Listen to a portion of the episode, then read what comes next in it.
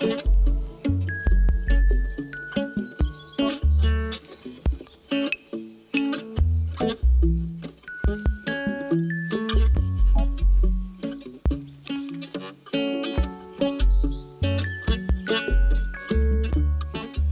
vi då igång alltså i lag Lerberget. Hur går det för eh, lag Dixon? Är du med? Det går bra. Eh, Inspelningen är igång. Oj, så himla, himla stolt över dig. Det vet inte folk om att du är vår nya teknikchef. Vill, Vill du att vi ska sjunka? Vill att vi ska prata- Att vi ska ska vi gå prata- under? Ska vi prata två minuter, eh, en två minuters monolog om efterspelet eh, efter förra avsnittsinspelningen? Linnea? Nej, Nej. det tycker jag inte. Nej, det, väl- nej, det var väldigt...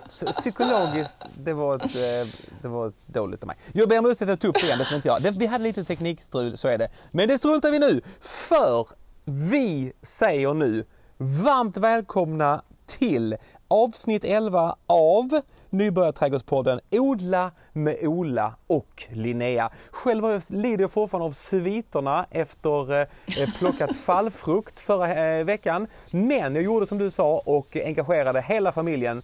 Eh, vi, vi jobbade alltså som en fyramannamur och det renderade ett stort äpplekrig på baksidan. Eh, alla vann. Vi jobbade med Ultimate Frisbee-regler. Vi dömde själva och det var en härlig dag och vi tyckte det var kul och det blev fint och träningsverk och det var liksom mycket nytta med nöje. Har du haft det bra sen förra veckan eh, Linnea? Ja, det har jag absolut. Det är så skönt nu med de här lite kyligare höstmorgnarna, eller ja, Mm. höst kanske jag överdriver, men, men kyligare morgnarna och lite soliga dagar. Det får gärna regna lite mindre, eh, så att inte allt blir så himla geggigt och kladdigt. Ja, Men annars är ha- jag nöjd. Ja, det är bra. Vi, vi är nöjda. Är vi, jag måste bara, vi ska prata eh, lök och vi ska prata slutet av JAS. Men innan vi gör något annat så måste vi reda ut ryktet som jag har hört i buskagen ute i Kullabygden. Som säger att om man sprider lite bikarbonat i plantornas jord så kan det hjälpa till att minska surheten. Vilket i sin tur då alltså sötar upp det som växer. Stämmer detta Linnea Dixon? Eh, nej, alltså bikarbonat kan man ju använda till väldigt mycket. mm, Och väldigt mycket i eh, växternas värld faktiskt. Ja. Men det, det här vet jag inte var det kommer ifrån. Nej, det, var, det är bättre att använda dem om man fått en tradig fläck eller sådär. Kanske. Än att använda på växterna. Nej, jag stryker det. Det var synd. Det hade varit kul om det hade varit så, men så var det alltså inte. Eh, då kastar vi oss över eh, lök. Alltså minns du tillbaka sådär, eh, alltså sent 80-tal, eh, 90-tal, när man, när man gick runt och tyckte att folk, eh, alltså så, luktade illa om munnen för de hade ätit för mycket vitlök. Kommer du ihåg den tiden Linnea? Ja, men jag gör ju det. det fast det var snarare 90-tal för mig. Ja, var men eh, jag kommer från en familj där vi åt väldigt mycket vitlök och jag och min bror brukade gråta när pappa skulle ha åtta vitlöksklyftor i och vi bad på våra bara knän om att få, kan vi inte bara ha en vitlöksklyfta pappa? men han gav sig inte på det. Nej, det ska, men, det var, men jag vet inte om det är så att, alltså att vitlöken har blivit klenare nu eller om det är så att vi har vant oss. Vad tror vi? Jag tror att det är för att alla äter vitlök, så att Ja. då känner man ju inte när andra luktar vitlök. Nej. Vi det är ju en vardagskrydda. Ja, det är precis. Och väldigt gott. Och det är ju lite lökens tid här har jag förstått. Eh, eller hur? Ja, jajamän. I alla fall eh, om man är ute i god tid. Ja. Alltså det är, ju, det är ju inte nu den blommar eller något sånt, utan det är ju till våren. Men man behöver planera för det nu, annars Mm. får man ingenting nästa år. Nej, eh, och då undrar man ju, är det så att man ska kasta sig över och börja plantera vitlök eh, i detta nu? Eller hur ligger landet med den eh, ljuvliga, ljuvliga löken? Vitlök eh, ska du egentligen sätta så sent som möjligt. Nu är det ju väldigt olika när det är i vårt avlånga land, men jag skulle säga här nere i Skåne och södra Skåne så ska du ju definitivt sätta den inte tidigare än november. Eh, annars är oktober en väldigt bra tid att sätta vitlök i resten av landet. Eh, det handlar ju om att du vill inte att vitlöken ska börja växa för mycket. För att om det skulle bli väldigt kallt i vintern då kan ju eh, de här små skotten som tittar upp, de kan eh, ja, frysa och bli mosiga och äckliga. Eh, och det kan bli för blött och sådär. Så att sätt, håll ut. Vi kommer ha, ha en liten vitlöksspecialare senare i höst där jag berättar om hur man planterar och vad man ska tänka på. Men med det sagt så behöver du beställa dina vitlökar nu. Och det är många som säger så här, jaha, men jag kan väl bara ta den vitlöken jag köper i matbutiken. Mm. Det skulle jag verkligen avråda eh, de människorna från att göra som säger så. Ja. Eh, det känns ju logiskt att man borde kunna göra det och det kan man. Men du har ingen aning om var den vitlöken kommer ifrån, om den bär på några virus eller sjukdomar. Och så sätter du den i jorden och så får du de sjukdomarna eller virusen i jorden och då kanske det innebär att du inte kan plantera vitlök där ever again. Eh, så du ska satsa på certifierad vitlök, helst ekologisk. Och andedräktsfri. Andedräktsfri. Eh, det finns jättemånga olika typer av vitlök eh, och i välsorterade trädgårdsbutiker och handlar så kan du hitta utsäde. Men absolut certifierat utsäde. Och eh, där finns ju olika varianter. Det finns de mjuka mm, skälkar så att du kan knyta såna här fina vitlöksflätor sen mm. i nästa år. Eller så finns det de med en hård nacke som man säger och då är det liksom skälken mycket hårdare och då svårare att knyta. Men jag brukar mest eh, bara klippa av dem sen. Men det, det kan vi ta. Men det, men det känns som, det känns som en djungel av olika eh, alltså vitlökar. Ja, alltså det finns massa olika sorter. Det, finns, det beror på lite om du vill ha... Det finns de som är helt vita och det finns de som har lite lila eh, färg i sig. Till exempel en av mina favoriter heter Garmidor. Oh, oh, oh. ja, den är jättevacker. Får ganska stora klyftor, åtta klyftor ungefär per vitlök. Men det är ju också en sån grej, vill du ha många klyftor på din vitlök eller lite färre? Och, ja, mm. Du kanske vill ha såna här som är hela, där vitlöken är liksom bara en enda klyfta. Eh, men, ja. Så det finns lite olika. Eh, men eh, det kan man läsa sig till. Men mina favoriter är Termidor. Jag tycker de, får, de blir väldigt stora och fina. Och Germidor som blir lila. Och det är lite yes. coolt. Snyggt på bild. Där har vi dem. Och snygga namn dessutom. Ja. Har vi en fin etikett där med, med Garmedor och Termidor. Men, ja. men som sagt, vitlöksodling väntar vi med eh, i södra Sverige och man kan pinna på lite om man bor långt upp i Norrland. Är det något mer vi behöver veta om vitlök när vi nu har, har, eh, har öppnat upp denna pärleport? Eh, nej, inte mer än att det verkligen är läge att beställa det nu så att du inte står där utan någon vitlök sen.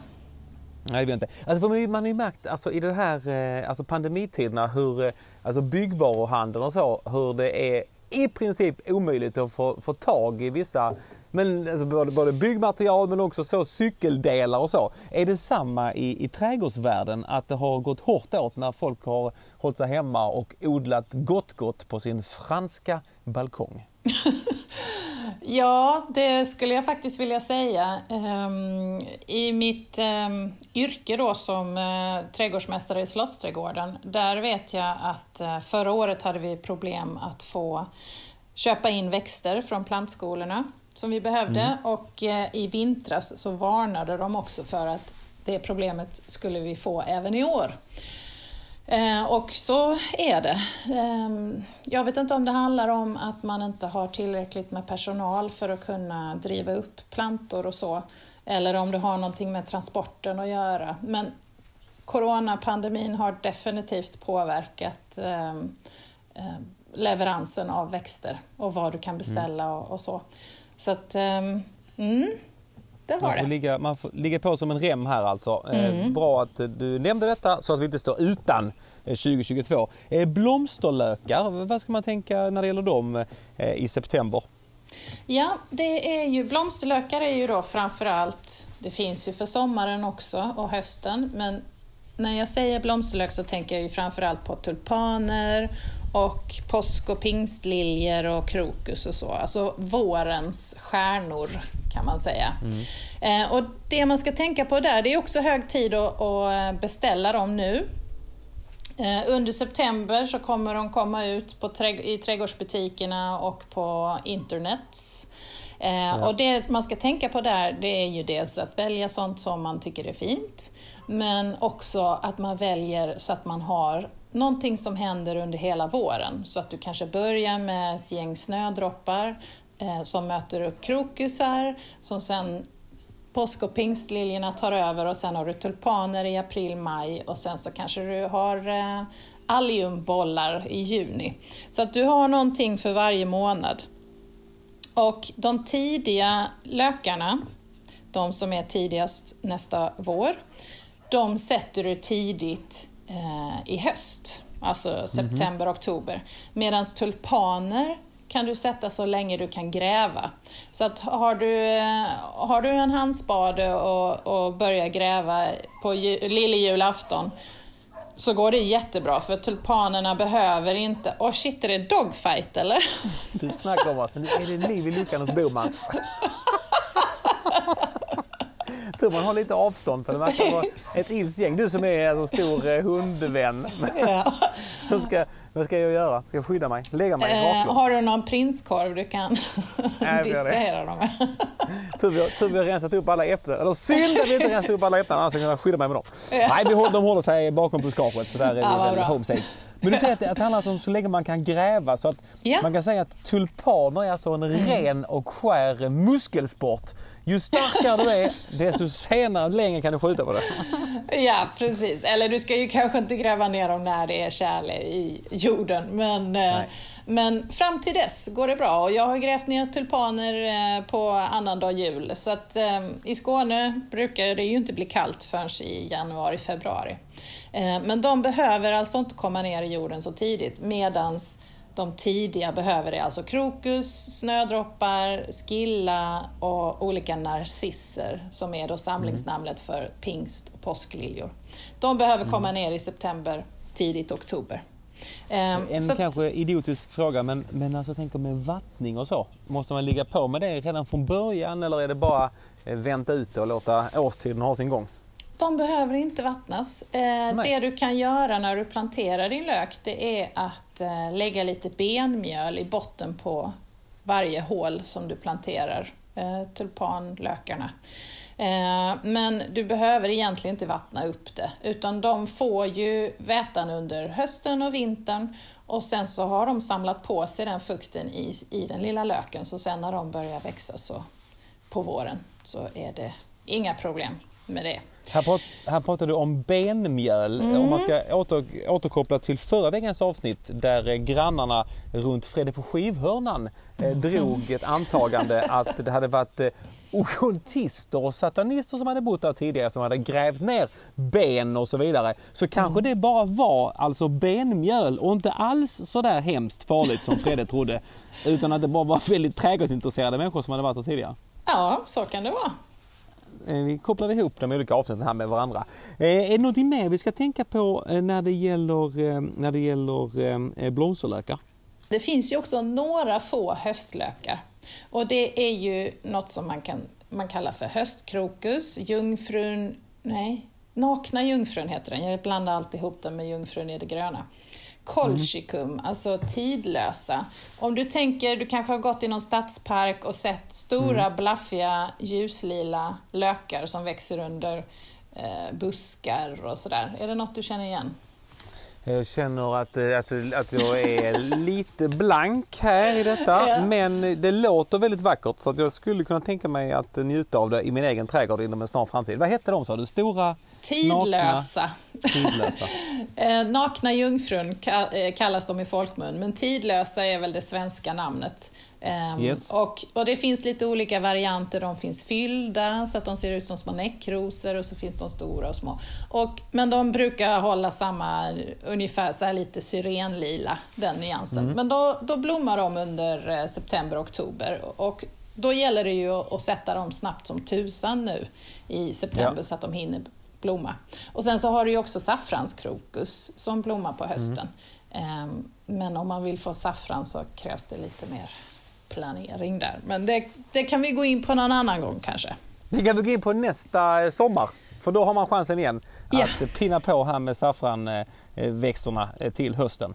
Eh, Men vad bra, tidlösa alltså kan få vilken svensk trädgård som helst att eh, pigga upp sig eh, så här i, i början av höstmörkret. Eh, Någonting annat som eh, pockar på uppmärksamheten det är ju att vi är i slutet av JAS. Vad är JAS, Linnea? JAS är en eh, förkortning på en period när det är jättebra att beskära träd och buskar.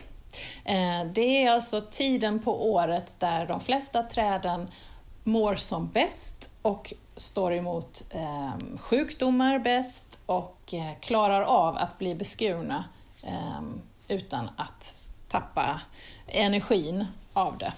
Ehm, och det är juli, augusti, september, JAS.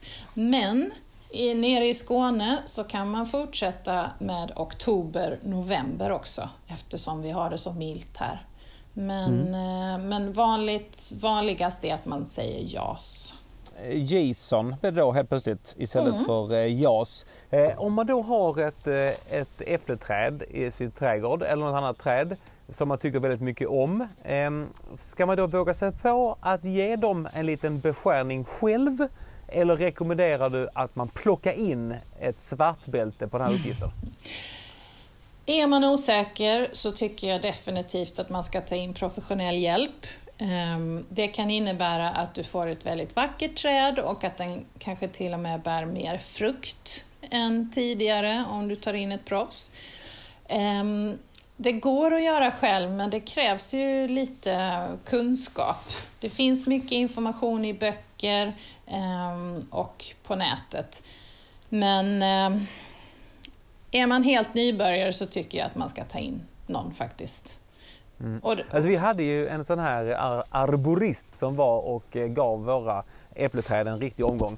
Och jag skulle säga, om jag säger tre gånger så mycket äpple i år mot förra året så ljuger jag inte. Alltså sjukt stor skillnad ju.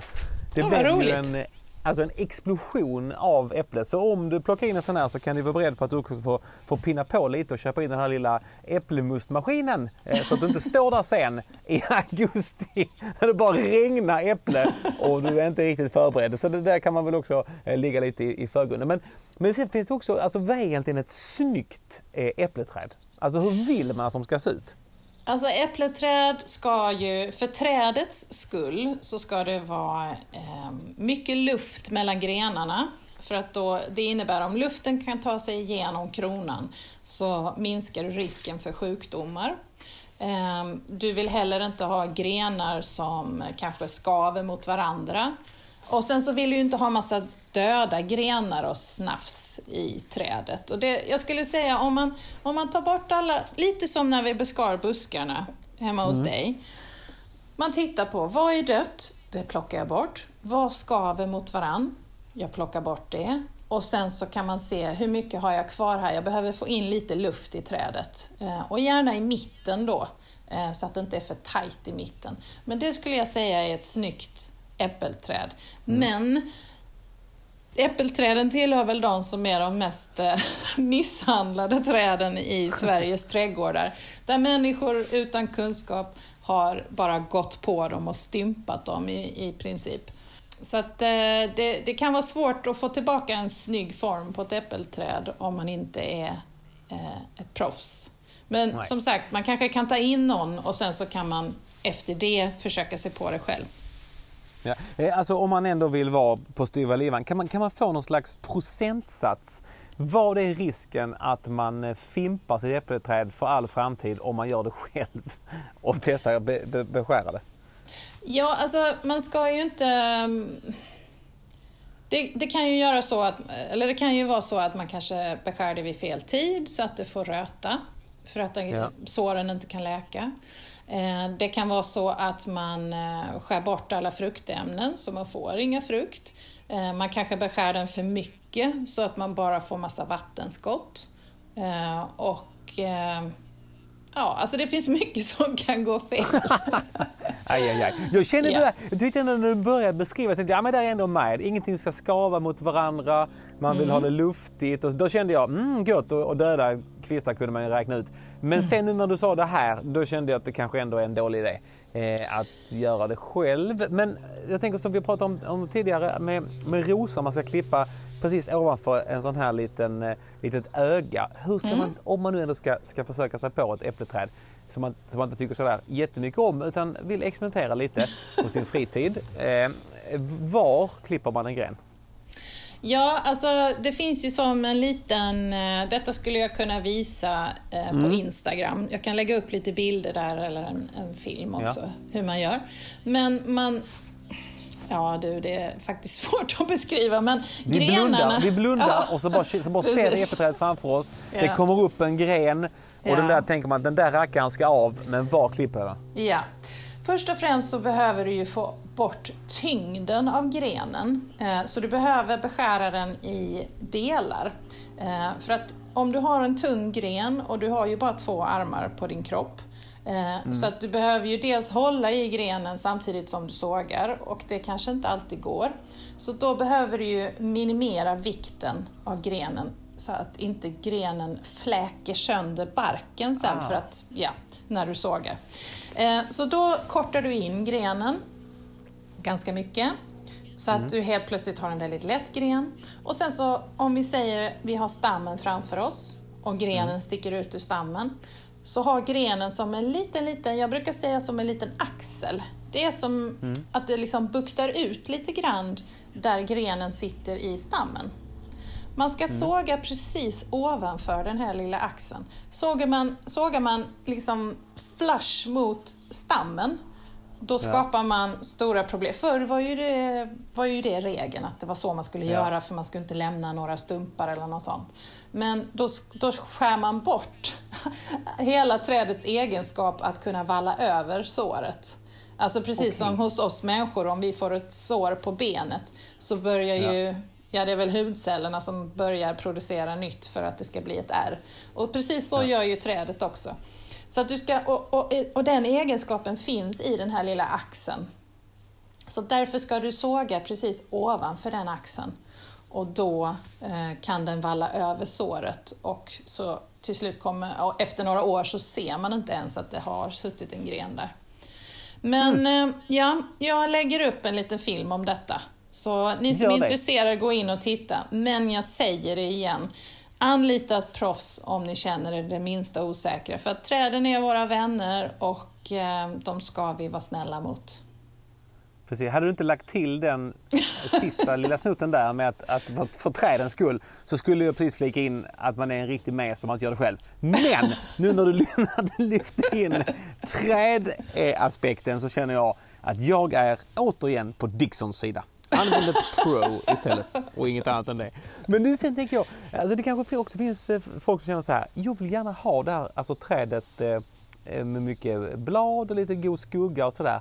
Fast är inte superintresserad av jättemycket äpple. Kan man mm. beskära trädet på ett sätt så att det fortfarande ger lummighet men inte fullt så mycket frukt? Går det? Ja, jo, alltså du kan ju skära bort fruktämnena. Eh, Hur gör man det då? Ja det, ja, det kanske är lite svårt att beskriva, men det är ju som små... Eh, alltså på...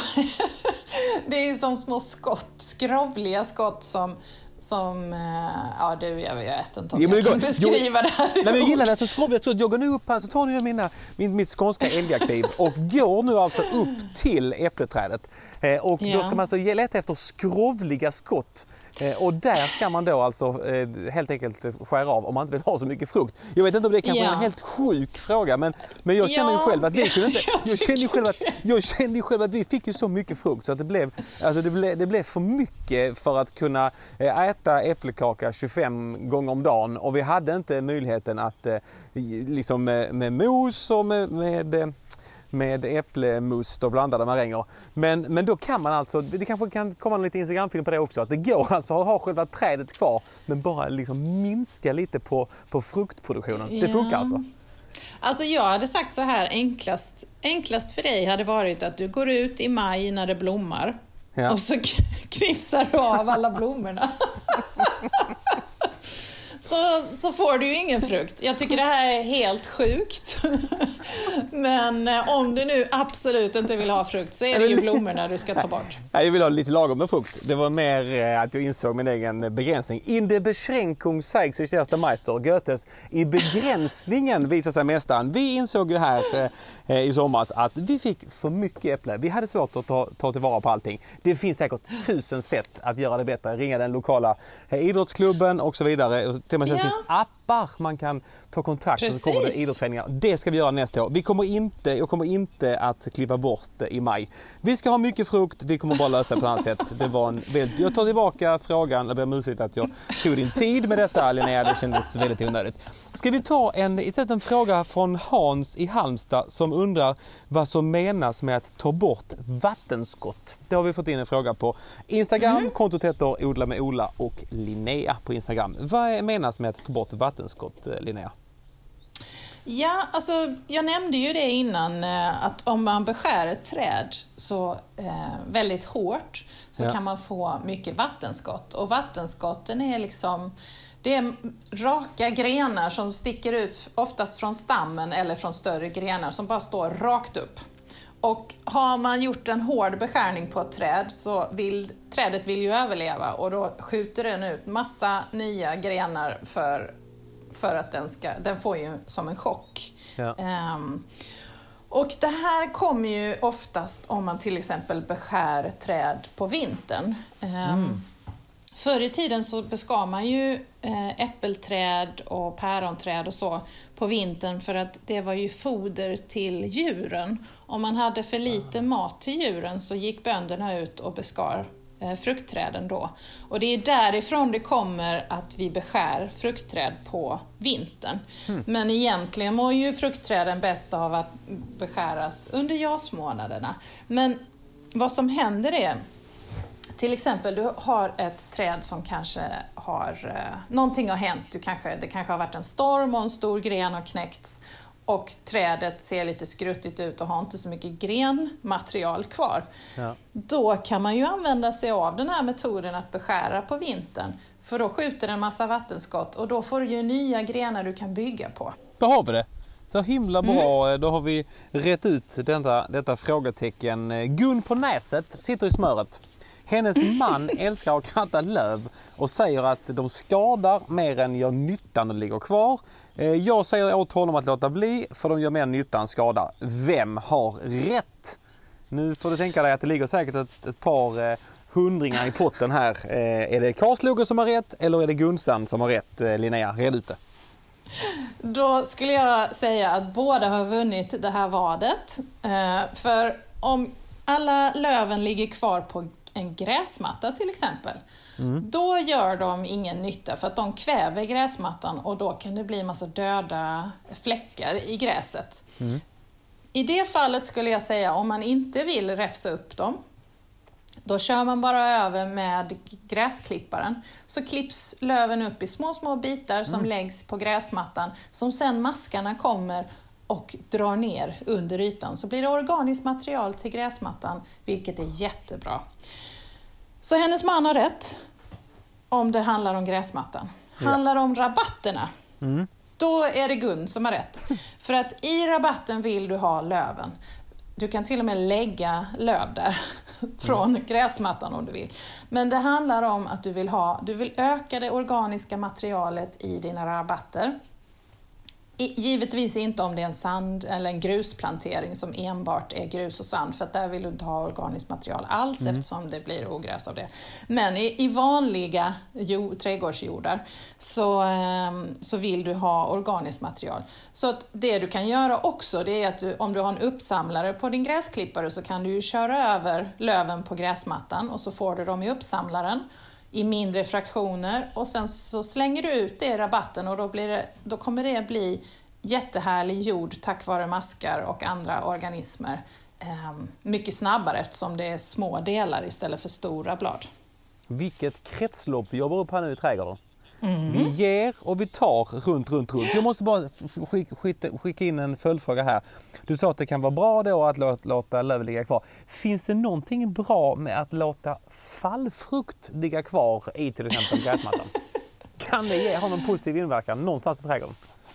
Alltså det, det blir ju mat till maskarna ju. Ja. Ehm, så att det är inte dåligt. Men det blir ju, om det ligger stora mängder fallfrukt så blir ju också gräsmattan skallig mm. under frukten. För att den fungerar ju precis som löv, att det blir som en kompakt yta som ligger ovanpå gräset som täcker ut allt ljus och då dör ju gräsmattan. Så att, ehm, men kör över dem med gräsklipparen så får du mindre bitar och så kan maskarna ta det. Det är perfekt. Det fanns en liten, eh, även lättjans mästare kan på något sätt argumentera för att frukten ska ligga kvar helt enkelt. Eh, mm. inget eh, höstavsnitt utan, utan tomatfrågor, eller hur? Det är... Eh, ja, alltså, vi, vi kan så inte, kanske det är. Ja, men det verkar vara det. Det, är en, alltså, det verkar vara väldigt många tomatodlare ute i landet som behöver hjälp. Eh, mm. Anton Gran eh, skriver, fråga. Blev med växthus i våras eh, så detta var första sommaren med ordentlig tomatodling. Men varför i helsike ruttnar halva tomaten innan den ens hunnit moga? Googlade fram något om eh, pistillröta men var för uppgiven för att läsa. Är detta ett vanligt besvär eller är jag helt enkelt för katastrofdålig som Ola skulle sagt? Snälla förklara, skriver Anton Gran. Hej Anton! Misströsta inte. Ehm, det blir så här ehm, om man inte vattnar, om man inte har en jämn vattning. Tomater är väldigt känsliga. De vill ha vatten nästan exakt samtidigt varje dag eller varannan dag. Eh, och det beror ju på hur, eh, hur varmt det är givetvis. Men de vill ha en konstant fukt, fuktig jord. Eh, inte blöt, men fuktig jord. Eh, och får de inte det så kan de få eh, pistillröta. Och då blir det som en brun ring eller fläck uppe vid där eh, på, vad blir det, undersidan av ja. tomaten där blomman har suttit. Eh, och det kan vara, eftersom de kan få kalium, eh, kalciumbrist då, eh, på grund av eh, att de inte får jämn bevattning. Eh, men det kan också ha att göra med att man har stört rötterna på något vis, att man kanske har, jag vet inte, man kanske har rensat ogräs. Tomater har ganska ytliga rötter, så mm. då kan man ju störa dem lätt om man är där och joxar i jorden. Mm.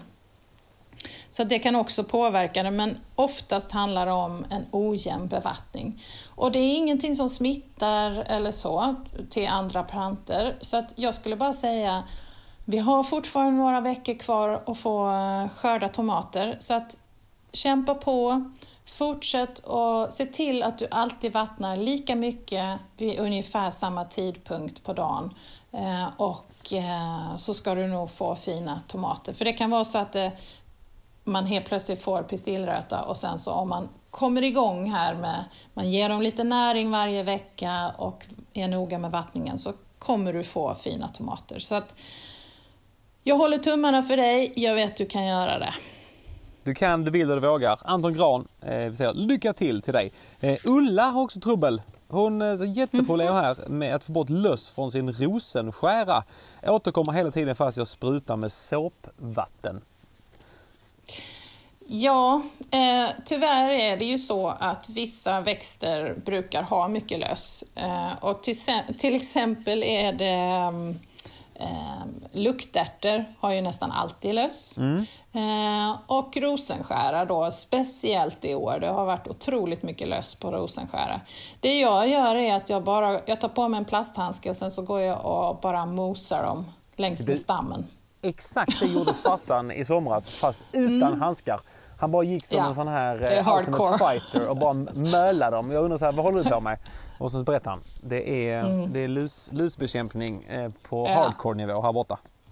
Ja, så att jag tycker nästan det är enklare än att hålla på och spruta och sådär. Men spruta kan man ju givetvis göra men Ja, alltså jag tycker inte att de påverkar växten så himla mycket. Om man är noga med att ge dem näring och vattna regelbundet och så, så att de inte står och kämpar mot torka, för då kan det bli att lusen ja, försvagar plantan mm. om den har ännu mer saker den måste kämpa mot. Men ser man till att den har det himla bra så brukar lusen och eh, eh, stjärn, eh, nej, rosenskäran eh, mm. kunna leva i symbiosen då. Sen ser det ju äckligt ut, men tryck, tryck till de små jävlarna och gå vidare.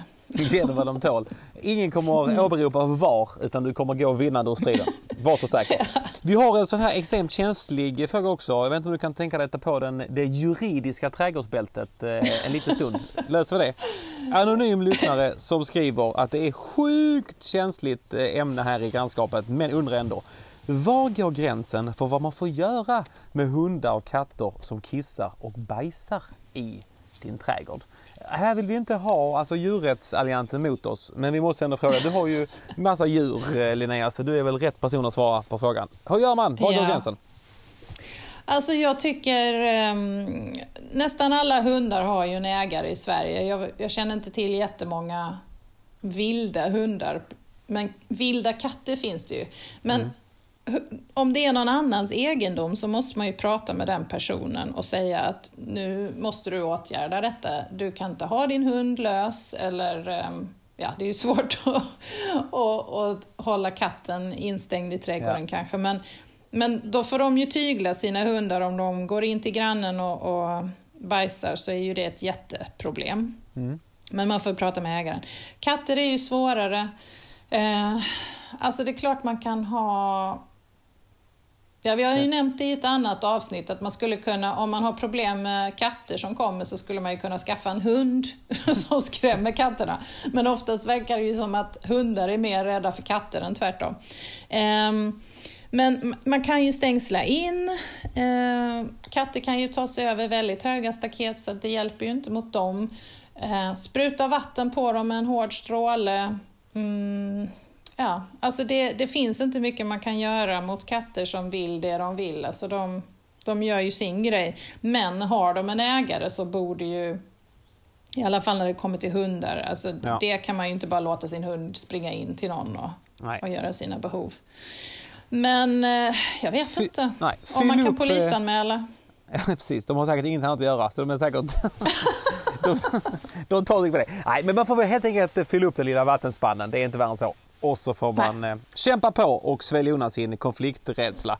Eh, trädgårdsnovis Ola Selmén eh, eh, mm. tackar ödmjukast expert Lena Dixon för denna eh, mustiga 40 minuter. Jag känner mig återigen som en ny människa och jag tackar att du bringar hopp in i trädgårdslivet.